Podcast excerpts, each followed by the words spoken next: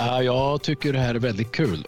Höstmöten och distriktsstämmor och sånt här är lite höjdpunkten faktiskt. Lantmännens koncernchef heter sedan 1 april 2022 Magnus Kagevik. Han kommer närmast från posten som chef för energidivisionen men har en lång internationell chefskarriär inom verkstadsindustrin bakom sig. Inom bland annat Assa Abloy.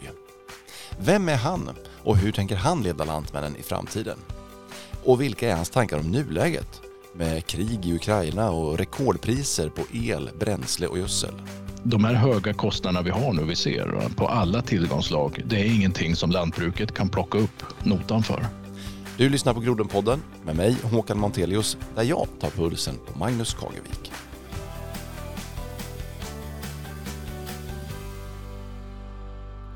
Hej Magnus! Hej! Hur mår du idag? Jag mår mycket bra. Mm. Lite småhostig här. Du säger att du har lite post-covid-hosta. Ja. Ja, jag hade covid för fem veckor sedan och eh, hostan har hängt i men allt annat har väl blivit bra då. Så att eh, ja, det är lite efterhängset. Ja, segt det där. Du är ju helt nytillträdd koncernchef för Lantmännen. Tillträdde första april, så det är bara några dagar. Kommer direkt från eh, energidivisionen där du har varit chef nu nyligen. Men om man inte känner till dig, berätta lite om din bakgrund.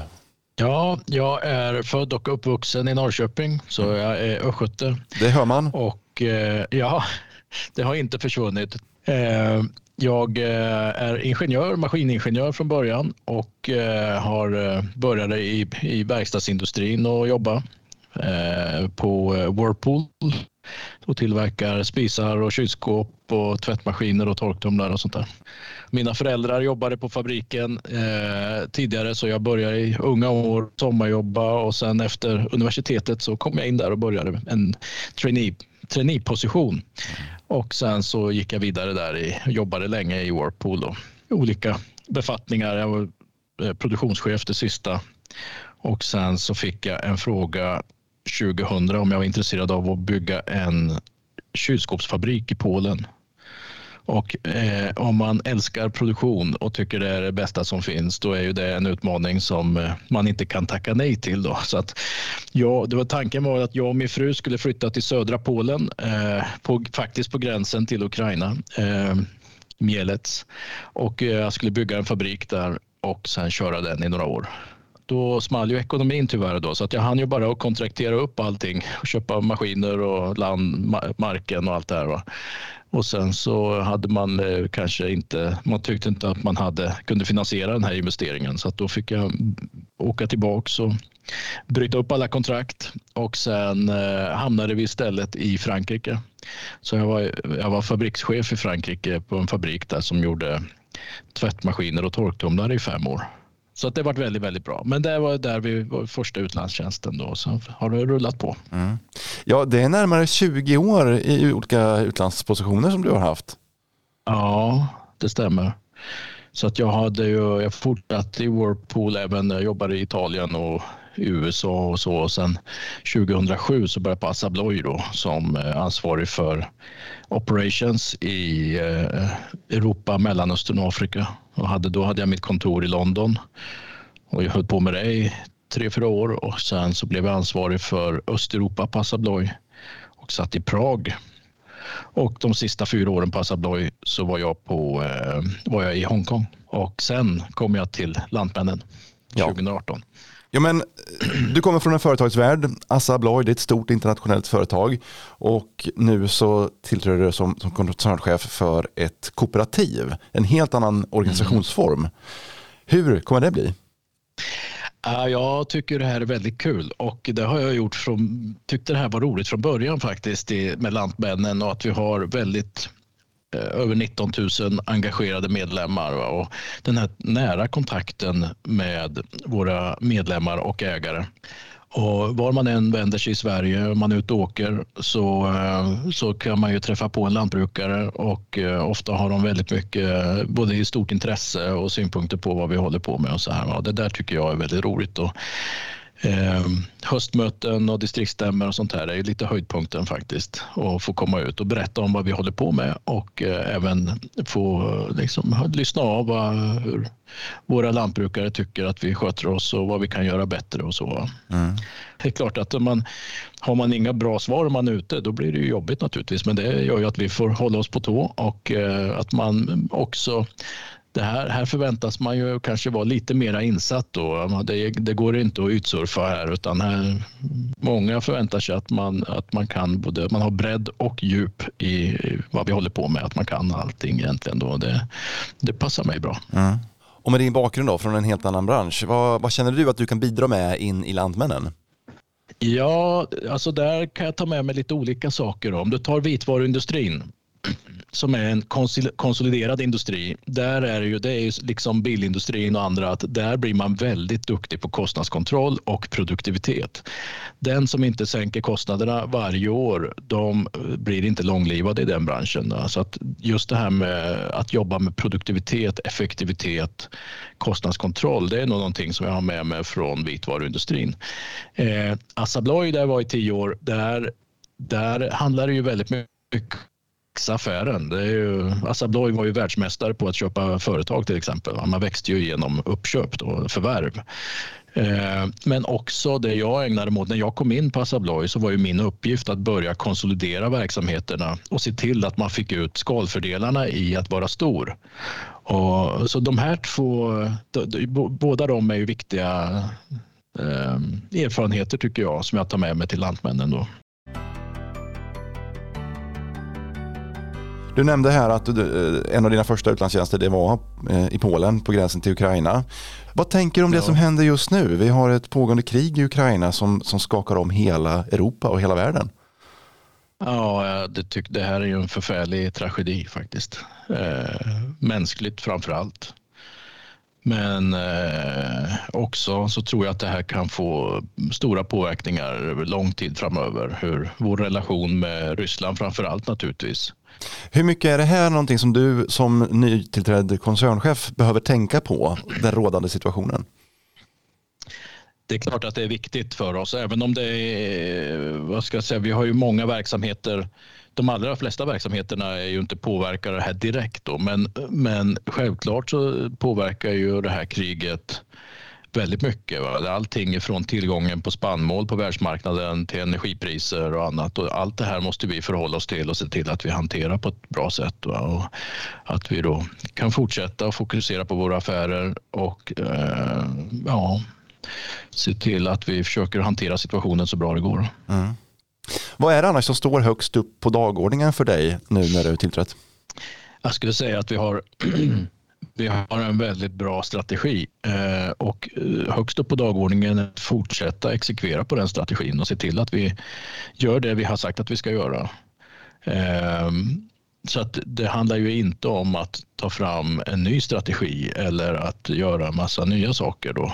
Utan eh, främst så handlar det om att fortsätta på den vägen vi har eh, stakat ut för Lantmännen och det kan man väl säga att vi, om man tittar tillbaka här, de sista tio åren så har vi haft en kontinuerligt ökad vinst.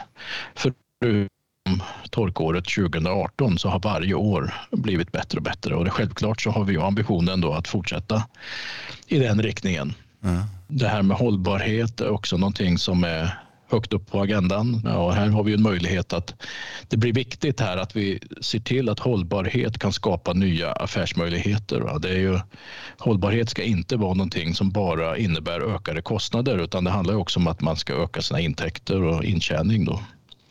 Eh, och det tror jag vi kommer att se mycket av framöver. Sen kan man väl också samtidigt säga att vi ser nu i den här kris, krisen som är nu att när bränslepriserna har stigit kraftigt då, nu har man ju i politiken börjat sätta hållbarhet mot bränslepriser till exempel. Då pratar om att vi ska sänka reduktionsplikt och annat. Och, och det här är väl någonting som jag har full förståelse för att vi måste göra någonting åt bränslepriserna. Vi har ju Europas högsta bensin och dieselpriser och framförallt dieseln som är 4,50 dyrare just nu än bensinen. Och, och den påverkar ju väldigt mycket våra medlemmar i lantbruksföretagen och även vårt eget företag naturligtvis och även privatpersoner. Mm. men det blir väldigt ryckigt också när man, man lägger ut en agenda att vi ska öka till exempel inblandning av biobränslen och många företag gör investeringar i kapacitet och sen när, när man ser effekterna kostnadsmässigt så börjar man prata om att nu ska vi dra ner och eh, göra någonting annat. Och det, är ju, det är klart att de här investeringarna är ju miljardinvesteringar som behöver göras för att öka produktionen. Då. Och eh, det är ju lite svårt att fatta sådana beslut om man inte riktigt vet vad det långsiktiga har att erbjuda mm. från politiken. Att, Menar du att, eh, att det, är, fel väg att gå den diskussionen som förs nu här, att man ska minska reduktionsplikten? Jag, jag, jag tror att man behöver över på, på dieselpoolen är det ju så att vi har en mycket, mycket högre inblandning av biobränslen och där biobränslet i sig är en eh, begränsad resurs. Vi blandar i 30,5 procent med HVO i vår diesel idag och HVO är, eh, finns inte i sådana mängder då, som gör att det här, det, därför blir det dyrare.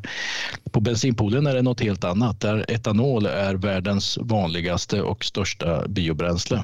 Det finns, produceras i alla världsdelar och eh, finns i stora mängder. Så att bränslena har lite olika möjlighet då att, att, eh, att för inblandning utan att det påverkar priset på samma sätt. Då. Så att jag tror att man måste ge sig på dieselpoolen framför allt för att, för att få ner priset ordentligt. Och sen ska man komma ihåg att över 50 procent av kostnaden i bränslena är skatt. Men när man pratar hållbarhet, ser du att det är framförallt eh, en minskad energianvändning som är den, den vägen och den strategin som Lantmännen kan gå framåt? Att erbjuda energieffektivare alternativ, mindre utsläpp?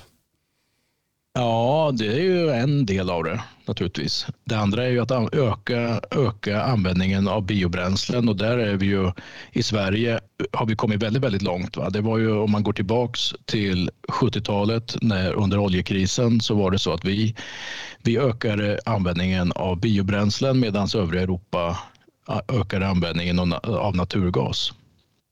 Och det här har gjort att vi just nu faktiskt står oss mycket starkare än många andra länder i Europa där naturgasanvändningen är väldigt hög. Då. Det I Sverige är den ju inte alls speciellt omfattande. Eh, så att utökad användning av biobränslen och eh, även ta fram nya produkter. Grönt gödsel är en sån här sak som är viktig för lantbruket där eh, man använder naturgas till att producera konstgödsel. Konstgödseln är ju jätteviktig för att få, eh, få ut rätt skörd.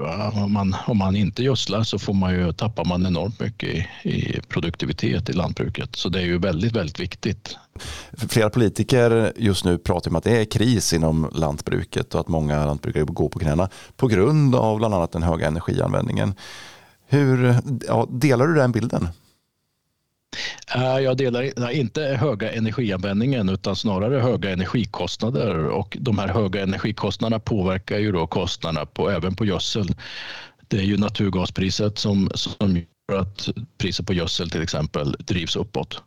Eh, och eh, jag håller helt med om att vi måste komma till rätta med det här därför att de här höga kostnaderna vi har nu, vi ser på alla tillgångslag, det är ingenting som lantbruket kan plocka upp notan för. Utan de här höga priserna som vi ser på gödsel och insatsvaror och annat och diesel och så vidare, det måste passas vidare hela vägen till konsument, vilket gör att inflationen kommer att öka. Så är det. Eh, och eh, det finns ingen i värdekedjan här varken lantbrukarna eller lantmännen som kan ta notan för det här. Va? Utan vi måste höja priserna och där har vi ju väldigt många, vi har ju dialog med alla våra kunder. Mm. Och då kommer såklart marknadskrafter in i bilden. Hur mycket kan svenska lantbrukare höja priset på sina produkter? Ja, det är en bra fråga, men vi måste få kostnadstäckning för de här kostnadsökningarna vi ser. Va? Det, så är det ju då. Därför att det finns inte de marginalerna i lantbruket idag att man kan ta högre kostnader. Du pratade tidigare här om att eh, ni ska växa affären. Betyder mm. det att Lantmännen ska expandera mer utanför Sverige? Jag tror att vi kommer att se både och. Jag ser ju möjligheter både att investera i Sverige och eh, öka våra affärer i Sverige men också utomlands. Och eh, jag tycker nog det här är en viktig aspekt. Va? Eh, jag har ju fått frågan ibland varför ska vi växa utomlands? Varför är det viktigt? Ja, en, en sak är ju faktiskt att sprida våra risker. Ehm, det är, det är en viktig del. Den andra är ju också att vi, vi är ju stora i Sverige. Vi är marknadsledande i Sverige idag. Det finns en begränsning på hur mycket vi kan växa i Sverige framåt som jag ser det. Och är det då så att vi vill fortsätta att växa Lantmännen, växa våra in, våran intjäning för att kunna eh, ge högre utdelningar och återbäring till våra, till våra medlemmar, ja då är det nog så att vi måste växa även utomlands. Sen gäller det att få rätt balans i det här naturligtvis. Ja, jag, jag tycker det finns må, många områden. Vi har jobbat rätt mycket och jag själv i energidivisionen. Vi har ju investerat rätt mycket pengar, en miljard i stort sett nu i att förädla spannmål. Och det tycker jag är en sån här bra investering där vi köper in våra medlemmars spannmål och sen maxar vi värdet på det. Och eh, då har vi dels vår glutenfabrik i Norrköping som vi håller på att bygga just nu som kommer att komma igång här under 2023.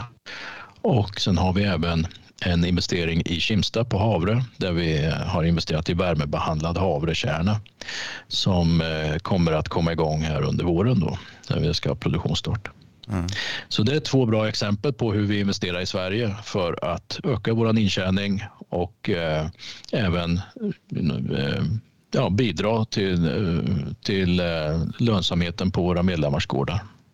Vad är det viktigaste affärserbjudandet som Lantmännen kan erbjuda ut mot kund? Jag tror inte att det finns något er, viktigast erbjudande utan det här återigen är ju samma sak för, eller det är olika för våra olika divisioner. Då. Jag ser ju till exempel lantbruk, det ska ju vara den bästa affärspartnern för lantbrukaren.